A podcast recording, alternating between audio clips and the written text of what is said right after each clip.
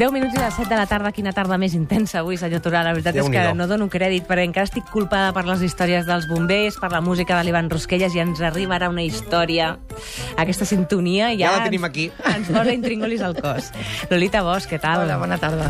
Buah, ella sempre porta històries sorprenents que a més resulten ser reals. Però Bueno, és que hi ha, hi ha gent sorprenent, eh? Hi ha Sí. gent molt al·lucinant. Avui A vegades assistirem, ens ho posen fàcil, escriure, diguéssim, sí. assistirem com al procés d'escriure una novel·la a algú que es mereix una novel·la, Sí. si no la té...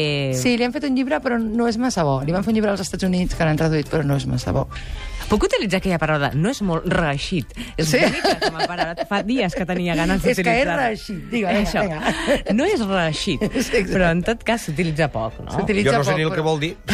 Imagina't, reixit. És que a Lleida ja saps com són. Són així. Són així de. No la fem, què vol dir? Gràcies, paraules. Què vol dir? Què vol dir? Reixit. Uh, reeixit. Ai, fi- Ara ens ha d'agafar, ell. Ara no, ara, ara, ara que tinc molt poca estona he d'anar per Això, feina. va. Vinga, va, fot-li Vinga, gasto, anem Lolita. moll, el a Fot-li gasto. històries Lleida el increïbles Moll. de la Lolita Bosch, que avui ens porta anys enrere, l'11S, el 2001, sota un munt de runa, pols, Sí.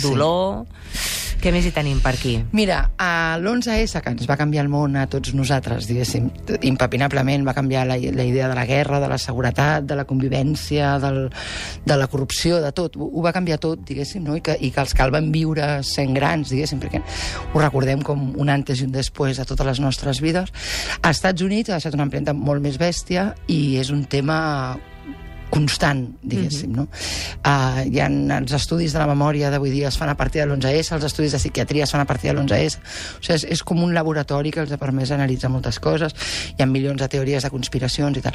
El que hi ha són moltes històries i després hi ha aquesta capacitat que hi ha als Estats Units de crear comunitat i treballar junts, que això és, és, és fan com aquesta feina de barri, als Estats Units, que sempre fan treball comunitari i els hi funciona molt bé. De fet, I el- perdona que talli, la feina dels bombers en aquest cas també va ser excepcional. Ho dic per una sí. mica Són empaltar. els herois, són els herois, sí, sí. sí. Aleshores, els, gent com els bombers, els paramèdics, els policies o eh, les, víctimes, les familiars de la gent que s'havia mort eh, al, als atentats del Pentàgon i de les torres, um, aquests estaven organitzats. Els que no estaven organitzats era la gent que havia sobreviscut. Vale? Aleshores, a les torres, entre les torres, la gent que anava als avions, els paramèdics, bombers, policies, la gent del Pentàgon que va morir, l'avió que va esclafar-se a Pensilvània, tots aquests van morir quasi 3.000 persones, 2.990 es calcula. Uh -huh. Però gent que va aconseguir escapar-se de l'infern en què es va convertir en dos minuts les Twin Towers, és entre 16 i 20.000. Vale?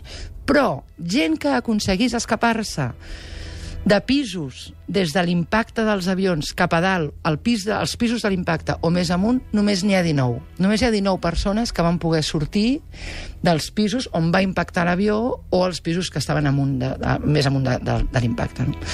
Entre aquests, a l'any 2003, quan, quan es començava a... a quan encara la, la, els, els familiars i la gent que havia sobreviscut i que havia viscut allò encara no estava organitzada, perquè primer van anar tots els altres, que eren les famílies dels morts, i havia, va aparèixer una noia que es deia Tania Head, va enviar un, un e-mail a l'any 2003 amb una pàgina d'internet que deia crec que he de parlar amb algú, explicar la meva història, però no sé ni com gestionar-la. God bless you, Tania Head.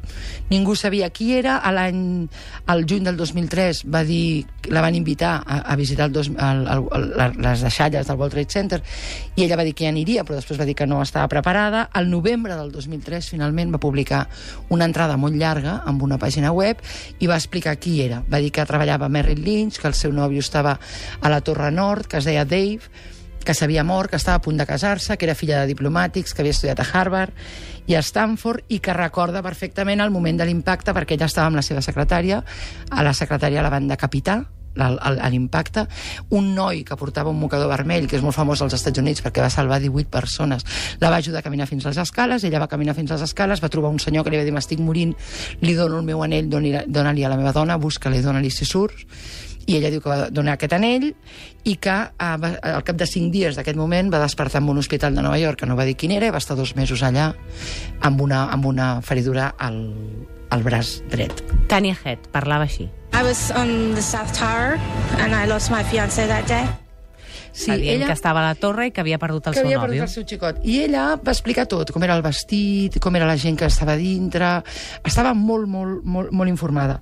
El 28 de gener, final, bueno, finalment, eh, per primera vegada, el 28 de gener de l'any 2004, va anar a una de les reunions fundacionals de la xarxa de supervivents, la van fer presidenta, va ser guia del primer tour oficial amb el governador de Nova York, el Giuliani i l'actual alcalde de Nova York, i del 2004 al 2007 va ser una bona persona. Va anar a visitar els familiars de les víctimes, els va dir tot el que havia fet per ell, per exemple, aquest noi del mocador vermell, va parlar amb molta gent, els va acompanyar, no va guanyar un duro, no va demanar mai un duro, va ser una persona molt honesta que va aconseguir unir a les víctimes fins que l'any 2004 un periodista que es deia David Dunlap del New York Times volia fer un perfil d'ella pel Times i ella es anava com escaquejant, que no volia parlar que tal, que no sé què, i al fi van pensar bueno, que hi ha una cosa sospitós i finalment el 27 de setembre del 2007 el New York Times es va fer una, un, un article explicant que la història de la Tània era, era falsa.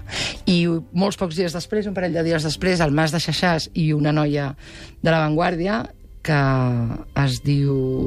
Ara vindrà el, nom al cap, van, van dir que, que sí, que era una noia catalana, que és d'aquí a Barcelona, que no es deia Tània Het, es diu Alicia Esteve, i que, que, que, que aquesta en realitat és la seva història. Diguéssim, es deia Alicia Esteve, va néixer aquí a Barcelona al 73, eh, viu a les Tres Torres, al costat de, del lloc on estem parlant, diguéssim, Sí. en aquests moments.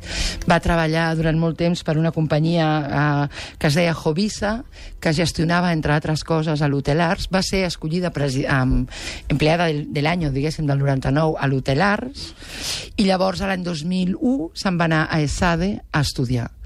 Els seus, els seus, va entrar en un màster a ESADE, els seus companys la recorden perfectament, deien que era una noia emprenedora, positiva, però infantil, fantasiosa, molt generosa, simpàtica, energètica i tal, i, i que era una bona persona, diguéssim, no? però que, que, que se li veia que tenia aquest afany de protagonisme. Hi ha gent que la recorda perquè va tancar el Mirablau per pagar una festa a tots els seus amics i tal. I a l'any 2000, el 2004 va més o menys desaparèixer des d'aquest tros, no se sap molt ben on està, i a l'any 2003 va enviar aquest primer e-mail, ja no el va firmar com a Alicia Esteve, sinó com a Tania Het. I arrel d'això, bueno, hi ha un documental increïble que va fer la BBC, patrocinat per National Geographic, que es pot veure a internet, que es diu La mujer que nunca estuvo ahí, està traduït en espanyol per 4TV. Després hi ha, hi ha el, el, les investigacions de la Marta Forn i del, i del Mas de Xaxàs, que estan penjades a la Vanguardia, que són molt interessants, i un llibre que va fer un home explicant què, què, n'havia, què, què havia passat amb ella. Ella, el 2008, algú va enviar un mail a totes les víctimes, quan es va descobrir això, dient que la Tània s'havia suïcidat. Evidentment, no se la va creure ningú, diguéssim.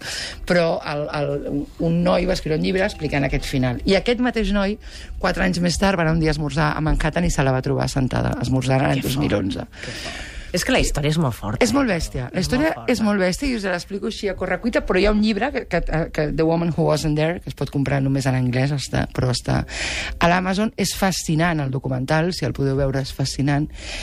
I ella, a diferència d'altres grans impostors, que n'hi ha molts ja, de, a casa nostra és famosíssim l'Enric Marco, i, però hi ha un ministre de, de, Girard que va ser falsificador i que havia col·laborat amb els nazis i tal, ella era una bona persona. dic- Bueno, jo no sé com era l'Enric Marco, però era una bona persona i la gent la recorda amb, amb tant carinyo que no tenia una sola demanda pel que va fer. Clar. És al·lucinant, Féssim de posar títol al llibre que avui, o aquesta història del llibre, quin títol podríem posar, no? Tània, la d'aquí al costat, o Bueno, Tània o- o versus l'heroïna Alicia? que necessitaven, no? És L'heroïna, que sí. necessitaven perquè era una persona que parlava molt bé, de sobte els va juntar tots, i era una gran narradora, tenia aquesta capacitat. Doncs ens quedem amb aquesta història del llibre al costat de Lolita Bosch. Moltes gràcies, A guapa. Ens veiem la setmana que ve.